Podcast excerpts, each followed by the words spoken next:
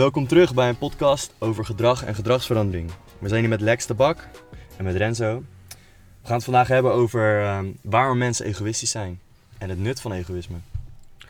Ja, eh, vrij groot onderwerp. Ik weet niet of we deze podcastaflevering eh vrij compact kunnen houden. Want eh, als we hierin afzakken, dan ehm, eh, ja, hebben we best wel wat gereedschap nodig om het goed te kunnen verklaren. Eerst vraag aan jou. Hoe kijk jij naar egoïsme? En naar, ehm, ja, eh, wat doet het onderwerp voor jou, zeg maar? Ja, ik denk dat egoïsme. Ik denk wat egoïsme is, is dat je ehm, ehm, handelt vanuit eigen belangen en niet zozeer inleeft of nadenkt over wat belangrijk is voor anderen. Ehm, ik denk dat. Ik heb zelf het idee dat we tegenwoordig wel meer egoïstisch zijn dan vroeger misschien, of misschien in andere culturen zelfs omdat we gewoon best wel individualistisch leven.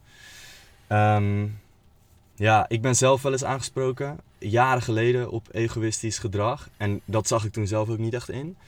Ehm, en nu terugkijken denk ik, ah, misschien was dat wel egoïstisch. En mijn overtuiging was een soort van, ja, als ik zeg wat ik wil en jij zegt wat jij wil, dan eh, komen we er toch samen wel uit. Terwijl misschien dat al ergens een egoïstische gedachte is om te denken van, ik zeg gewoon wat ik wil. En dan moet jij gewoon zeggen wat jij wil. Dus ik denk dat egoïsme eigenlijk vooral dat is. Vooral kijken naar of vanuit eigen belang handelen. Ja, en eh, misschien is het wel goed wat je nu namelijk schetst. Namelijk is dat er natuurlijk een verschil is tussen egoïstisch gedrag. Dingen die eh, voorvallen en die je een keer kunnen overkomen. Waarop je aangesproken wordt in dit voorbeeld. En dan dus jezelf betrapt op het feit. Hé, hey, ik heb iets gedaan wat misschien iets te veel vanuit mezelf vertrekt. Maar er zijn ook eh, mensen, en er is een vrij grote groep met mensen. Voor wie in feite egoïstisch gedrag het vertrekpunt is. Ja, In alles wat ze doen. En ehm, ik denk dat het goed is om over, en dan heb je het dus in feite over een egoïst. Eh, en ik denk dat het goed is om vast te stellen eh, dat het vrij belangrijk is om te kijken of je mensen in je omgeving hebt die dit gedrag vertonen. Want een egoïst kan veel, eh, veel pijn veroorzaken en ellende veroorzaken voor de omgeving zozeer. Dus ik zie zelf egoïsme als een onderwerp eh, eh, wat inderdaad altijd natuurlijk aan de hand kan zijn bij iedereen. Iedereen kan egoïstisch gedrag vertonen, tuurlijk. Alleen er zijn mensen die dus niet anders dan egoïstisch gedrag vertonen. En het woord egoïstisch, het woord egoïsme, egocentrisch, eh, zegt allemaal hetzelfde. Namelijk, we- vertrekken vanuit het ego, vanuit de ik. En eh, er is een groep mensen eh, die, we hebben het al eerder in een andere aflevering gehad over het ontstaan van het ego. En dat een groep met mensen ook het ego per se wil beschermen. En dat het ego een bepaalde ontstaansgeschiedenis heeft als je kijkt tussen alles wat gebeurd is tussen geboorte en vandaag. En er zijn mensen die eh, een ego bij zich dragen. ehm, en die in feite ehm, niet anders kunnen dan vanuit dat ego, vanuit die ik vertrekken. en misschien ook de wereld bekijken vanuit het ik. En niet, kunnen, niet goed kunnen verplaatsen in een andere situatie dan de ik-vorm. Exact. Ehm, want hierbij zeg je een mega belangrijk ingrediënt waar we het straks over gaan hebben. Jezelf verplaatsen in een ander. En daarmee zeg je dat het al binnen jouw referentiekader blijkbaar zit. Jezelf verplaatsen in een ander eh, is een element wat we straks gaan terughalen. Een belangrijk ingrediënt zou je kunnen zeggen voor het hebben van relaties en voor het, ja, voor het contact met mensen. Ja, Ehm, in een voorgaande aflevering heb ik het gehad over eh, angst. En over eh, wat angst doet als je te veel angst hebt. En hoe ga je om met angst? Hoe, hoe groei je op met angst? Je groeit op met angst door ehm, misschien wel het zo klein mogelijk te houden en er iets overheen te plaatsen. Om jezelf groter te maken dan je misschien echt bent. En in feite eh, in de loop van je leven te leren dat je jezelf beter kunt overschreeuwen dan dat je authentiek en oprecht blijft en kwetsbaar opstelt. Mensen die dat jaar in jaar uit doorontwikkelen. Mensen die dat vanuit eh, tiener zijn, ook in hun, via adolescentie, ook in hun volwassen jaren betrekken. Die ontwikkelen iets wat we denk ik een ego kunnen noemen. Een soort zelffoto, een zelfbeeld. Een statisch fixed mindset stukje. Wat gaat over ik ben, ik zie mezelf op een bepaalde manier. Ik zie mezelf als knap, succesvol, als sterk, als iemand die ja, in feite beter is dan andere mensen. Of in ieder geval minstens net zo goed als andere mensen. Eh, ik zie mezelf het liefst als de bovenliggende partij. Ik ben eigenlijk iemand die in de rangorde eh, eigenlijk degene is die ja, misschien wel de mooiste auto rijdt, het meeste geld heeft, de beste positie heeft, de meeste macht wil hebben. Die in feite het coolst, het snelst, het best wil zijn. Ja, en, en wat ik daarover zou willen vragen is: is dit, dit is niet altijd omdat iemand ervan overtuigd is dat hij ook echt het beste is, toch? Het kan ook komen vanuit een onzekerheid om mezelf op zo'n positie te plaatsen of te willen plaatsen, zodat ik in ieder geval het idee krijg dat het ook dat ik er ook toe doe of zo. Ik denk dat die twee samenhangen. Ik denk dat iemand die een ego heeft, per definitie, uh, dat vanuit onzekerheid in feite probeert omhoog te houden. Ik denk dat een gebrek aan zekerheid, een gebrek aan zelfvertrouwen uh, uh, en een overdaad aan zelfovertuiging zou je kunnen zeggen. Ik ben overtuigd van mijzelf, maar ik, ben niet, ik heb niet zozeer zelfvertrouwen. Ik denk dat dat de basis is van het ego. Ja. En um, alles wat ik doe, elke opmerking die ik maak, vertrekt altijd, elke handeling die ik doe, vertrekt altijd vanuit mijn ik. Ik eerst is in feite hetgeen wat uh, andere mensen als egoïsme zouden kunnen zien. Voor de persoon die egoïstisch is, is dat niet egoïstisch. Het is logisch.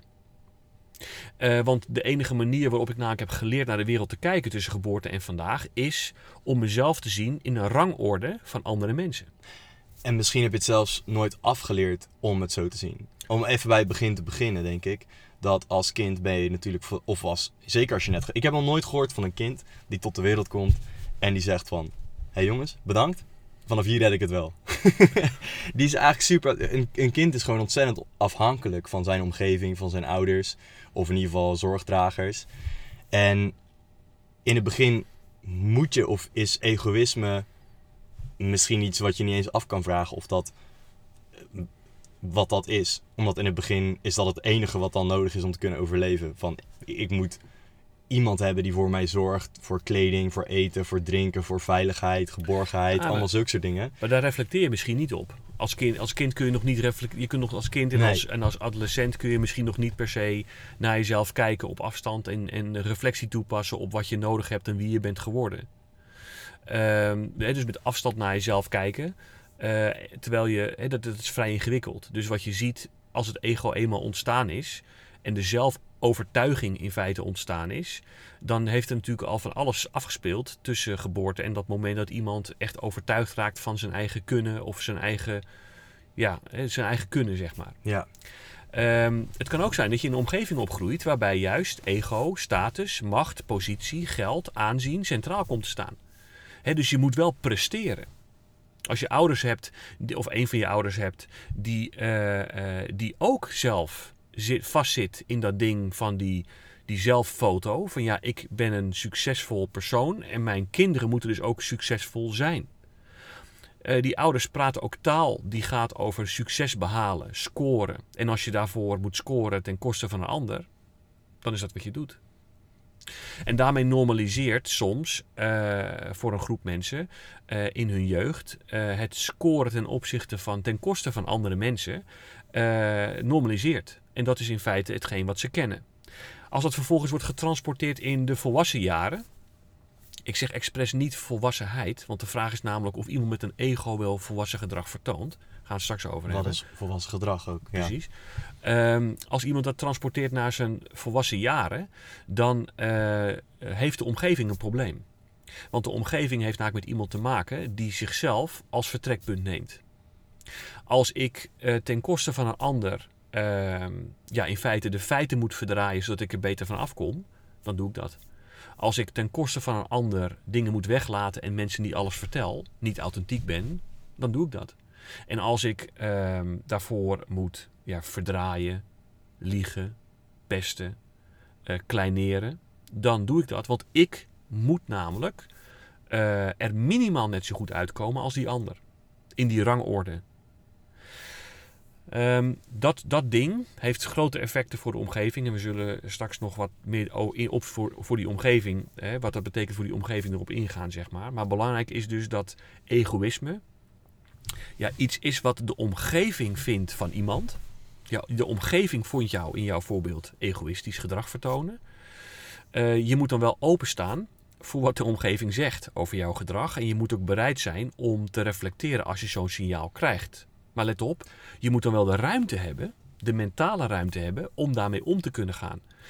En het probleem is dat als egoïsme hè, tot een egoïst, dus als iemand echt fulltime egoïstisch gedrag vertoont, dan zie je dat die ruimte er simpelweg niet meer is. Je kunt niet meer overwegen dat jij misschien niet zo succesvol bent, zo, zo, zo, zo knap bent, zo, zo, uh, zo goed bent, um, als, uh, als dat je dacht dat je was. Ja, en, en ik denk dat.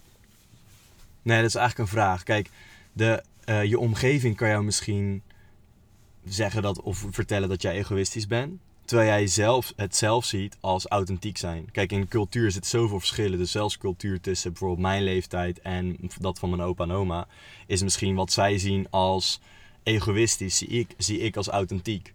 En, um, en misschien wat ik zie, of wat zij zien als authentiek, is misschien voor de omgeving, is voor hun omgeving. Nee, dat, dat is eigenlijk hetzelfde. Is voor hun omgeving ook egoïstisch. Maar wanneer wanneer zou je, zou je kunnen zeggen dat egoïsme echt ego egoïstisch is? En wanneer zou je kunnen zeggen dat. Wanneer is het authentiek gedrag? Snap je wat ik bedoel? Ik snap wat je bedoelt. En, uh, uh, en wanneer, sorry, wanneer, wanneer is feedback juist? Wanneer uh, kan jouw omgeving zeggen, bijvoorbeeld in onze cultuur is het vrij normaal als je uit eten gaat of een date gaat, dat je bijvoorbeeld de, de uh, de bill, de, De rekening. rekening. de rekening split tussen een vrouw en jezelf. In een andere cultuur is dat misschien helemaal niet van, eh, vanzelfsprekend. In andere culturen noemen ze het zelfs going Dutch, omdat het voor ons is normaal, maar voor anderen niet. Ja. Dus wanneer is het egoïstisch? Wanneer is het authentiek? Ja, op het moment dat je, op het moment dat je egoïstisch gedrag vertoont en, je, en de oudere generatie vindt dat je je egoïstisch gedraagt, dan wil dat niet zeggen dat de oudere generatie zegt je bent een egoïst. Nee, je vertoont egoïstisch gedrag. En uh, je denkt dus misschien te veel om jezelf. Misschien dat we inderdaad allemaal wel veel meer nu om onszelf denken dan 50 jaar geleden. Dat zou heel goed kunnen, omdat we in een misschien wel meer geïndividualiseerde maatschappij leven, samenleving. Zou ook kunnen. Dus dat een oudere generatie op een nieuwe generatie, jongere generatie, het oordeel heeft van je vertoont egoïstisch gedrag. Dat zou heel goed kunnen. Dat is een soort, ja, een soort waarde, een soort normen, een, eh, een norm die wordt opgelegd op die ander, op jouw gedrag. En uh, het zou ook daarnaast kunnen inderdaad dat, dat mensen uit, van andere culturen zeggen, het splitten van de rekening, wat voor Nederlanders misschien heel gebruikelijk is, is dat voor andere culturen niet. Dus inderdaad, wat egoïstisch gedrag is, dat valt natuurlijk, dat is natuurlijk in die the beholder. Hè. Het hangt er vanaf ja. wie daarnaar kijkt. Een oudere generatie of iemand uit een ander land kan anders kijken naar egoïstisch gedrag als dat jij bijvoorbeeld dat zelf doet. De vraag is alleen, en dat woord haal je nu naar boven, feedback. En je haalde dus ook al naar boven dat je, hè, in je eerdere voorbeeld haalde je er al naar boven dat je in feite in staat was om dus je gedrag aan te passen. Ja, de vraag is, staat iemand open die egoïstisch gedrag vertoont voor feedback? Uh, staat iemand open voor, de, voor um, het perspectief dat je dus uh, misschien wel iets doet waarmee je de ander uh, last bezorgt of iets aandoet, zeg maar.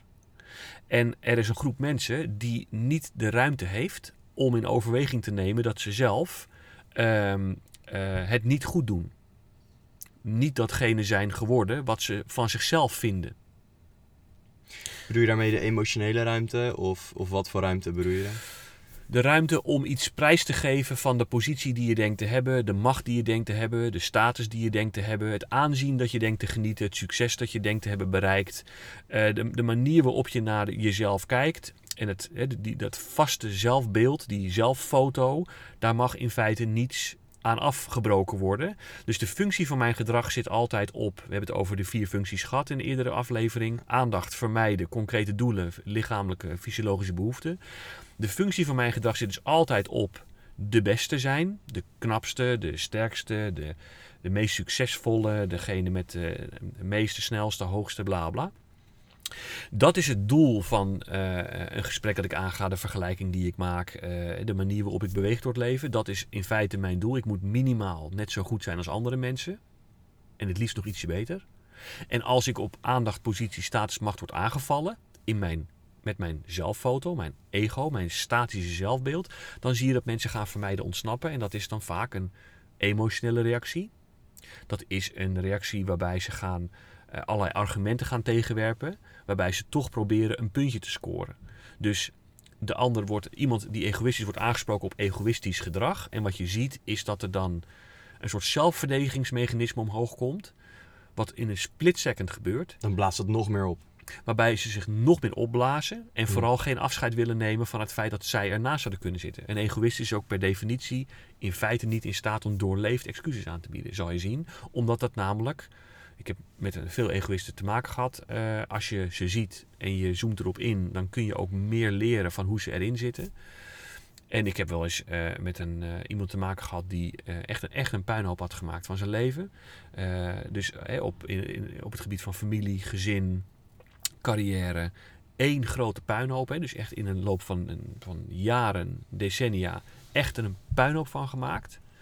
En ehm, feitelijk uh, aan kunnen tonen dat die persoon de verkeerde keuzes had gemaakt. Dus als je, als je objectief kijkt, dan heeft die persoon linksaf gekozen, terwijl rechtsaf achteraf uh, inderdaad, dat hadden andere mensen hem al aangereikt, maar toch de juiste route was geweest. En dan vraag je aan iemand, als je nou terugkijkt, hè, uh, is er dan iets waarop je, waarop je er anders nu naar kijkt dan een aantal jaar geleden? En in de split er hoeft niet nagedacht te worden over het antwoord: ik heb niets fout gedaan. Ja. Um, waarom? Uh, ook daar heb ik over door gediscussieerd. En ook, je moet ook kracht gebruiken om een egoïst terug te duwen. Hè? Want het, het ego, het ego zorgt ervoor dat er met heel veel kracht het ego wordt verdedigd. Het systeem moet in stand blijven. Dus in dit voorbeeld heb ik ook nog, heb ik, ga je zelf kracht vertonen om die persoon in de hoek te zetten en te kijken wat gebeurt er nou als je geen andere ruimte krijgt. Als je alle feiten op tafel legt en je niet anders kunt dan concluderen dat je er feitelijk naast zat. Hoe kijk je dan terug? Nou, A, ik heb niks fout gedaan. En B, waarom dan niet? Excuses aanbieden is jezelf verlogenen. Ja, dit is een, dit is een hele goede, denk ik, jezelf verlogenen. En daar komen we nog terug bij op, uh, in de podcast Normen en Waarden denk ik. Daar heb ik een paar vragen over.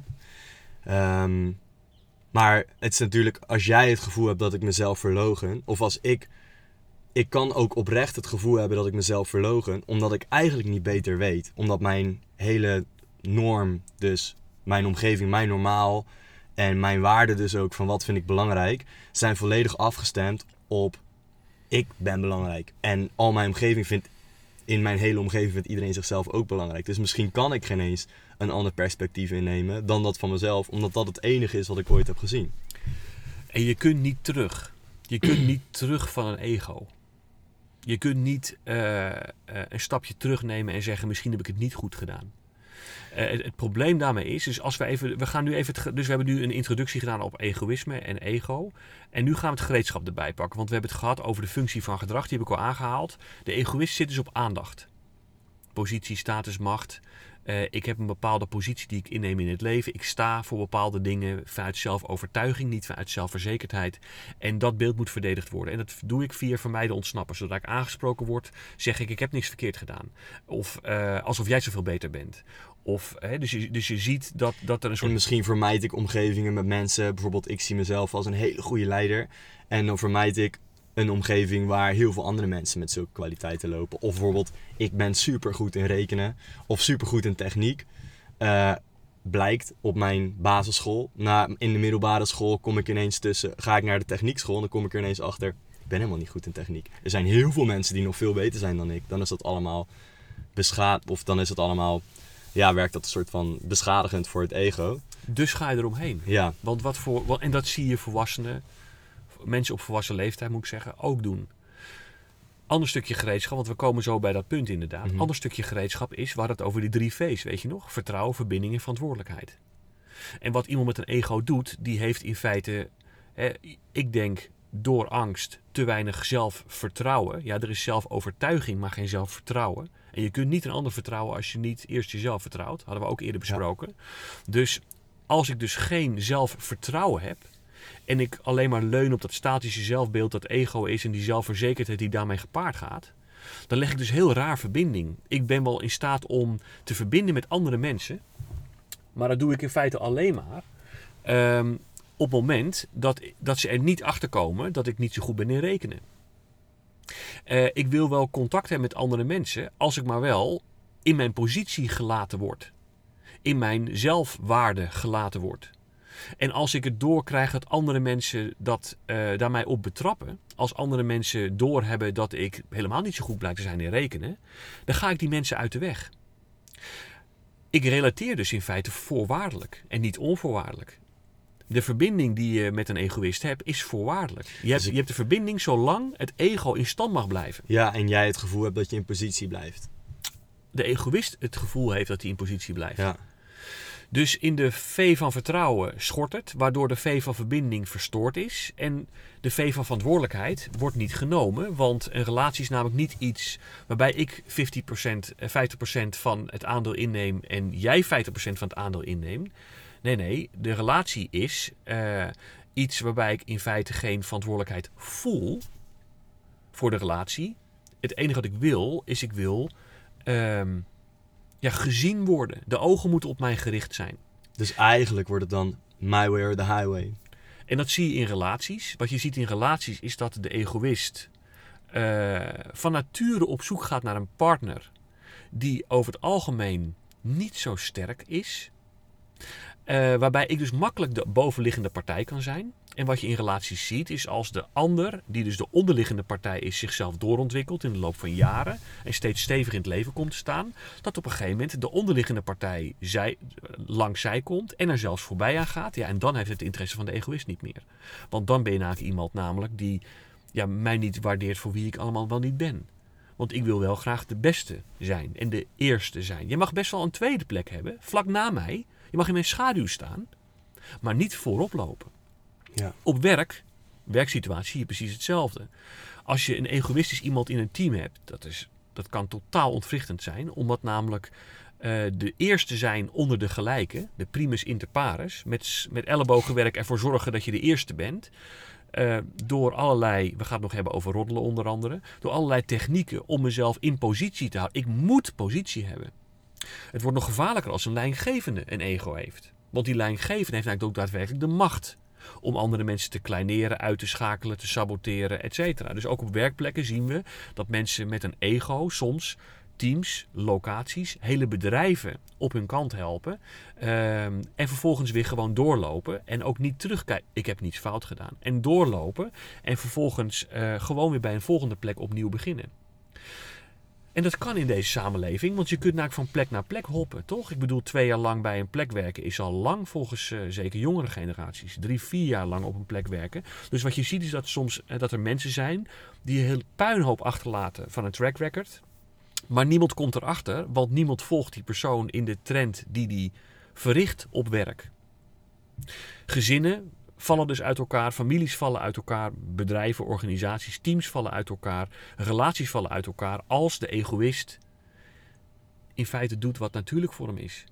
Namelijk het, ja, het, egoï- het ego voeden door ja, in feite de foto in stand te houden en jezelf ja, vooral stevig neer te zetten.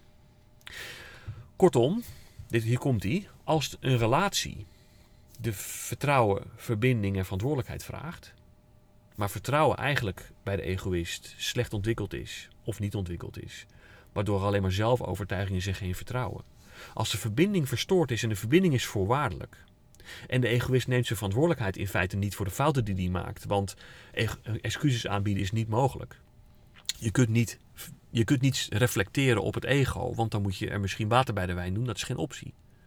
Dus we hebben verstoord vertrouwen, we hebben verstoorde verbindingen, we hebben verstoorde verantwoordelijkheid. Je kunt je dus afvragen of een egoïst wel een relatie heeft of een verstandhouding. En de verstandhouding is, zolang jij mij prijst, de ogen op mij gericht houdt, zolang je geen afbreuk doet aan mijn aandacht, positie, status, macht, het geld wat ik heb of eh, hoe cool ik wel niet ben, hoe stoer, dan hebben we verbinding, maar geen relatie. Want zodra namelijk jij afbreuk doet aan al die zelfbeelden bij mij, dan ga ik gewoon verder. En wat ik heb meegemaakt in de praktijk, is of nou iemand zijn eigen kinderen voor de trein moet gooien. Zijn partner, een gezin, een familie. Eh, een team in een bedrijf. Of je nou uiteindelijk eh, een, een politieke partij voor de trein moet gooien. Of je nou als persoon een heel land voor de trein moet gooien. Omdat je nou ook zelf vindt dat je meer macht verdient. Dan gaat dat gewoon gebeuren. Ja, het gekke is, de egoïst komt, kan zich aardig omhoog boksen in de maatschappij die we hebben ook. En waarom is dat? Ehm, Waarom is dat? nou ja, je hebt, geen, je hebt geen sociale controle, als je dat zou kunnen zeggen. Je kan zo van hier naar daar naar daar hoppen op het gebied van werk. Je kan een relatie zo beëindigen, een nieuwe relatie beginnen. En jezelf nou ja, anders profileren of anders voordoen. Ehm, er zijn veel mensen die erin trappen ook, denk ik. En, en nou, hier gaan we het ook nog op over hebben. Gedeelte misschien heeft roddelen ook wel een functie nog ergens. Als ik binnen als alles binnen één dorp zich afspeelt, weet op een gegeven moment de persoon van ja, dat is een weet iedereen op een gegeven moment dat is een egoïst. En daar moet je voor uitkijken.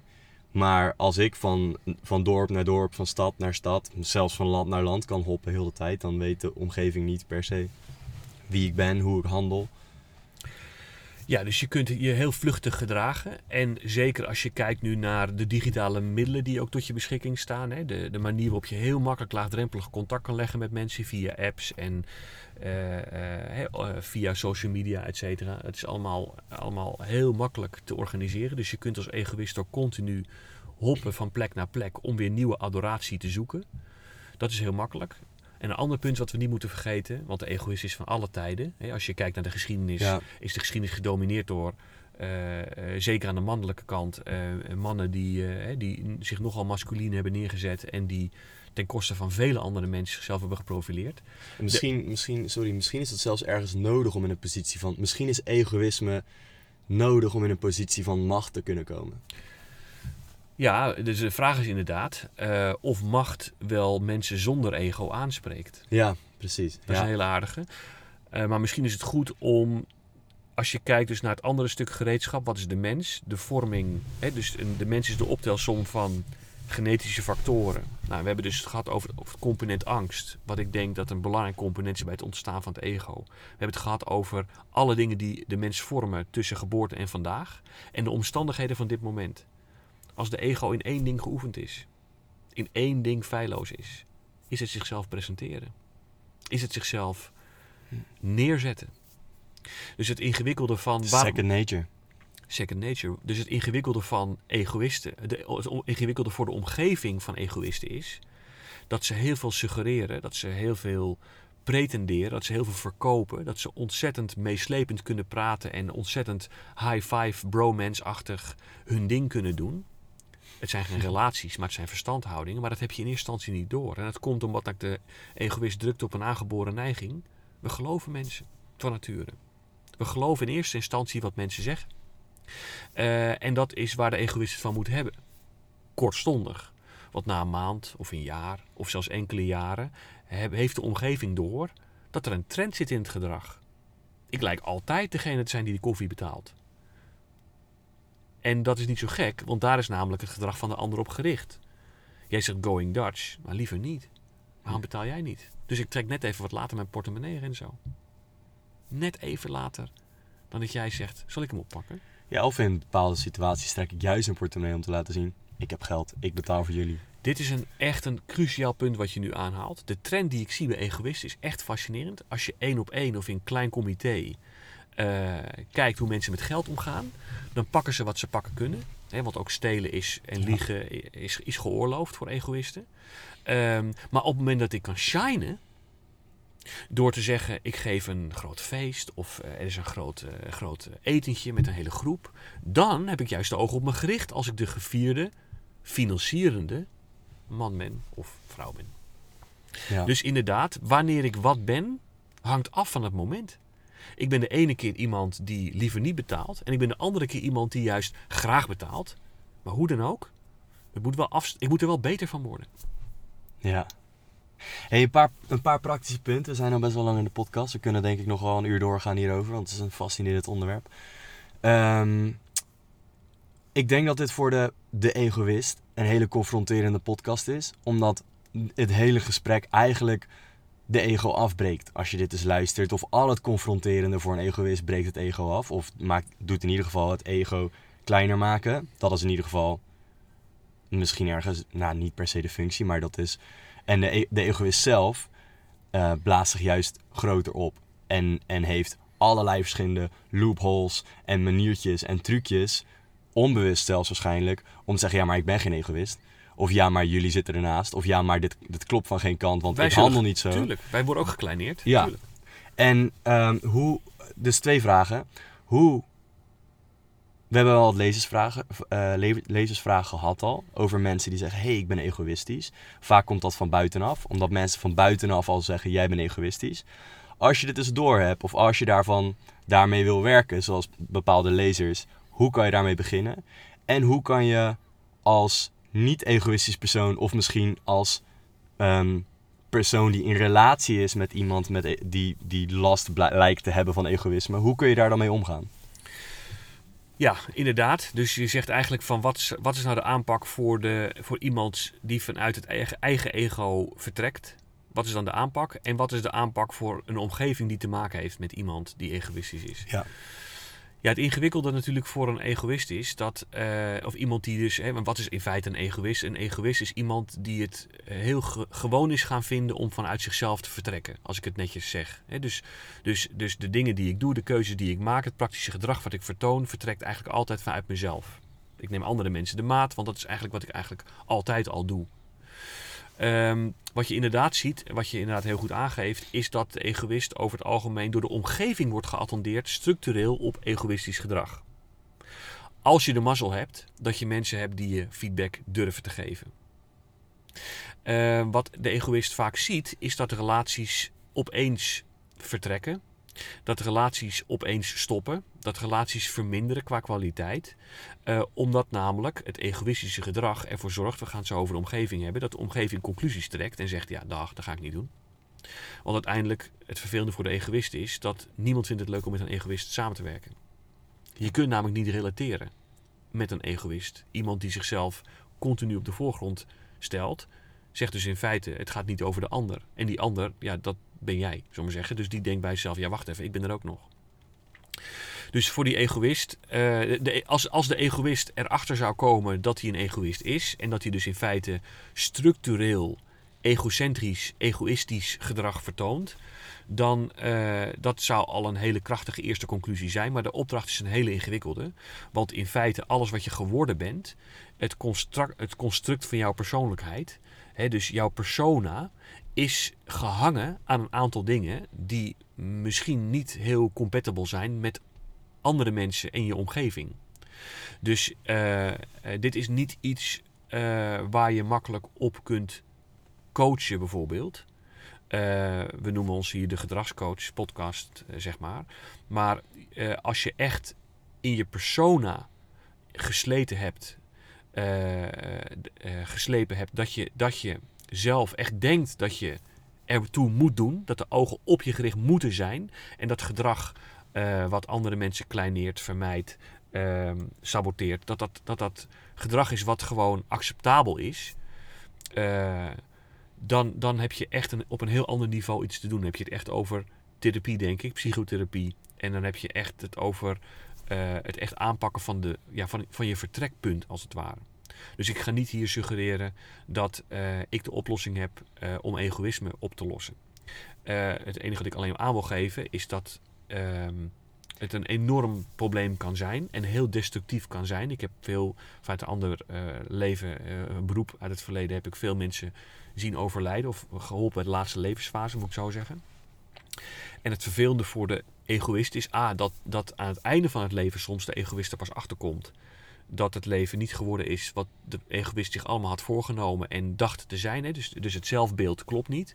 En het andere confronterende punt is, ja, ze sterven vaak alleen. Uh, want uh, uiteindelijk heb je gewoon een, heel, een hele tactiek van een verschroeide aarde achter je, achter je als je achterkijkt. Hè, waarin je gewoon allerlei bruggen verbrand hebt. Waarbij mensen gewoon eh, gedesillusioneerd, beschadigd achter zijn geraakt. Omdat je ego andere mensen heeft verdrukt, verdrongen. En uh, daar kun je natuurlijk wel iets mee met, als egoïst zijn. Je kunt wel uh, nadenken over hoe je jezelf aanleert om anders te relateren aan mensen.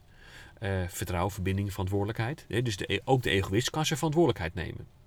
En een belangrijk punt is eh, daarbij om feedback vragen. Dat is een hele moeilijke situatie voor, voor echte volbloed egoïsten.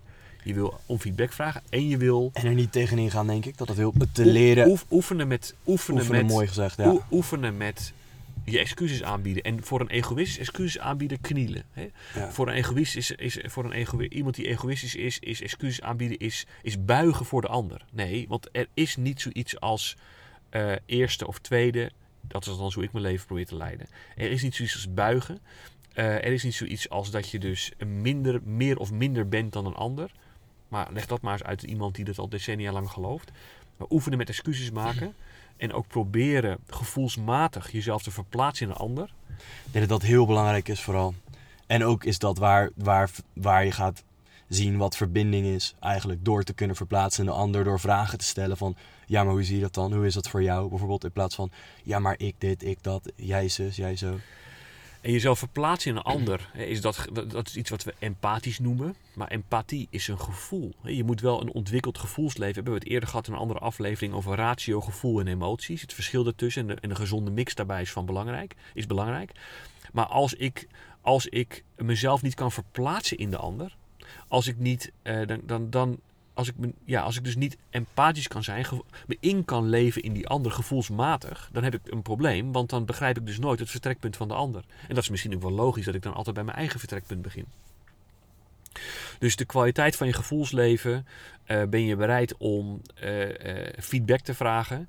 Ben je bereid ook om doorleefd excuses aan te bieden? Hè? Dus wat je ook, je moet dus opletten, wat je ook egoïsten ziet doen, is dat ze niet echt excuses aanbieden. Hè? Dus dat ze bijvoorbeeld, eh, een van de meest gehoorde zinnen die ik zie bij egoïsten is, eh, als je ze aanspreekt op iets, zeggen ze ja, ik heb nog iets te doen. Dat is niet hetzelfde als, als excuses aanbieden.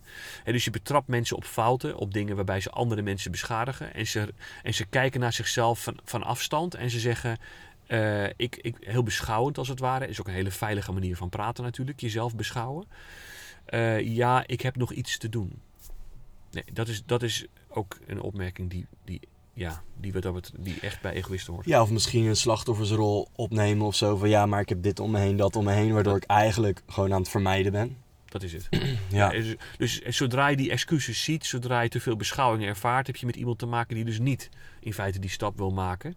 Maar goed, dus de egoïst heeft iets te doen met gevoelsleven, inlevingsvermogen. De egoïst heeft iets te doen met eh, eh, feedback vragen.